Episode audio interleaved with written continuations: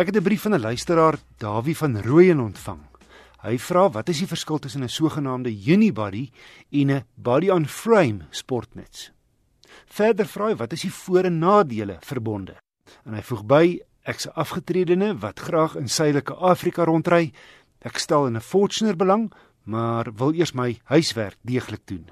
Ek het gaan raad vra by Nicolou, die tegniese redakteur van die tydskrif Kar. Ja, wissel, ek dink ons moet net so 'n bietjie 'n stap terug neem, maar kyk ons bietjie waar voertuie vandaan kom en natuurlik ons kyk na perdekarre en wat nader in ons uh, Suid-Afrika osse waans is gewoonlik gebou met 'n raamwerk onder of ons het praat in die karwêreld praat ons van 'n ladder frame of 'n leer raamwerk. So waar karre begin het is is met hierdie tipe van uh, ruggraat waarop al die res gebou word en 'n leer raam bestaan dan uit twee balke wat dan uh, geondersteun word met versterkings en dit is hoekom hy dan lyk soos wat 'n uh, 'n leer lyk. En ehm um, al die vroeë voertuie is so gebou en ehm um, die voordele van 'n leer raam is dat hy baie sterk is in die sin van as jy wil vrag dra. So daai buigmoment is hy is hy baie sterk en ons sien vandag selfs met kommersiële voertuie, vragmotors en bakkies is nog baie lief om hierdie leer raamwerk te gebruik juis vir vir daai doel. Die nadele van 'n leerraam natuurlik is dat hy hy's baie swaar. So as dit heelwat gewig by 'n voertuig by, dit gaan natuurlik jou brandstofverbruik en al die tipe van dinge beïnvloed. Die ander nadeel van 'n leerraam is hy vat heelwat spasie in 'n voertuig op omdat hy nou sulke breë balke onder het en jou kajuit word bo-op hom vasgeskroef, wil ek nou eintlik sê. Ehm um, is die vloer van die die kajuit dan baie hoog.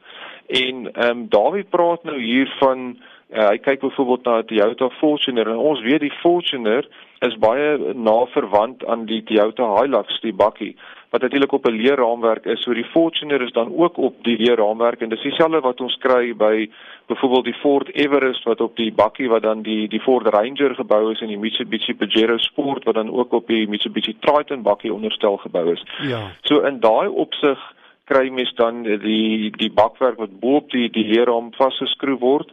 En uh, dis natuurlik 'n baie robuuste voertuig dan uh, soos ek sê hy kan vrag dra, hy kan 'n bietjie stamp en stote wil ek nou amper so sê vat. Dis wat jy kry met 'n leerraam. As ons dan bietjie gaan kyk na 'n unibody of ek dink die Afrikaanse woord sal seker wees 'n eenheidsbakwerk. As ons kyk van die voordele daarvan, dis natuurlik heelwat ligter want hy het nou nie hierdie raamwerk wat onder hom pas nie. Sy sterkte word eintlik verleen deur die panele wat aan mekaar vas is en hy het dan versterkings in hierdie bakwerk waar punte is waar jou suspensie kan vasbou, jou enjin kan vasbou. So dit word deur die ingenieurs ingewerk in hierdie hele bakwerk sodat hy hierdie sterktepunte het en hy het nie hierdie uh, eh, leer raamwerk nodig om vir hom 'n sterkte te verskaf nie. So hy is heelwat ligter heelwat meer spasie binne in so 'n bakwerk omdat hy dan nie hierdie breë balke onder hom het nie. Partykeer selfs is hierdie unibody sterker in die torsionele rigting. 'n Leerraamwerk is nie so sterk torsioneel nie. So in daai opsig is hy is hy nogals heelwat goed, maar ehm um, hy kan natuurlik nie soveel vrag dra soos wat 'n leerraam sal dra nie. En soos mens kyk na jou nutsvoertuie, byvoorbeeld uitgepraat van 'n Fortuner, as jy kyk na die Toyota RAV, hy's natuurlik op 'n op dan 'n eenheids bakwerk gebou en hy is heelwat ligter, bietjie meer spasie, die vloer is laer.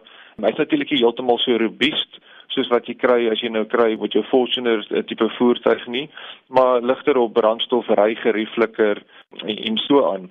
Die nadele van 'n een eenheidsbakwerk is soos ek genoem het, hy kan nie soveel uh, vrag dra nie.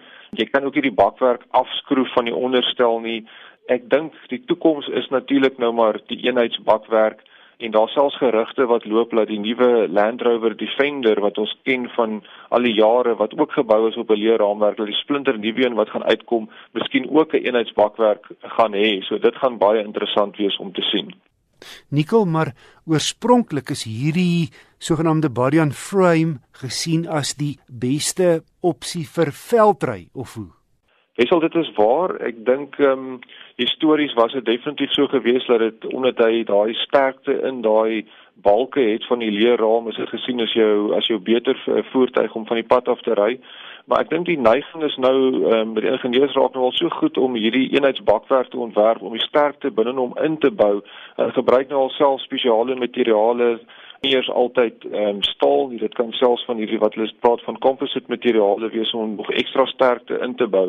Dat ons sien 'n neiging dat alles nou gaan na hierdie eenheid bakwerk toe. Ons het net oor gepraat oor die nuwe Defender wat miskien 'n eenheidsbakwerk gaan hê as hy uitkom, maar ons sien dit al klaar as ons kyk na die Land Rover Discovery en natuurlik die die Range Rovers ook wat dan net klaar al hierdie eenheidsbakwerk het en ook baie goed van die pad af kan ry.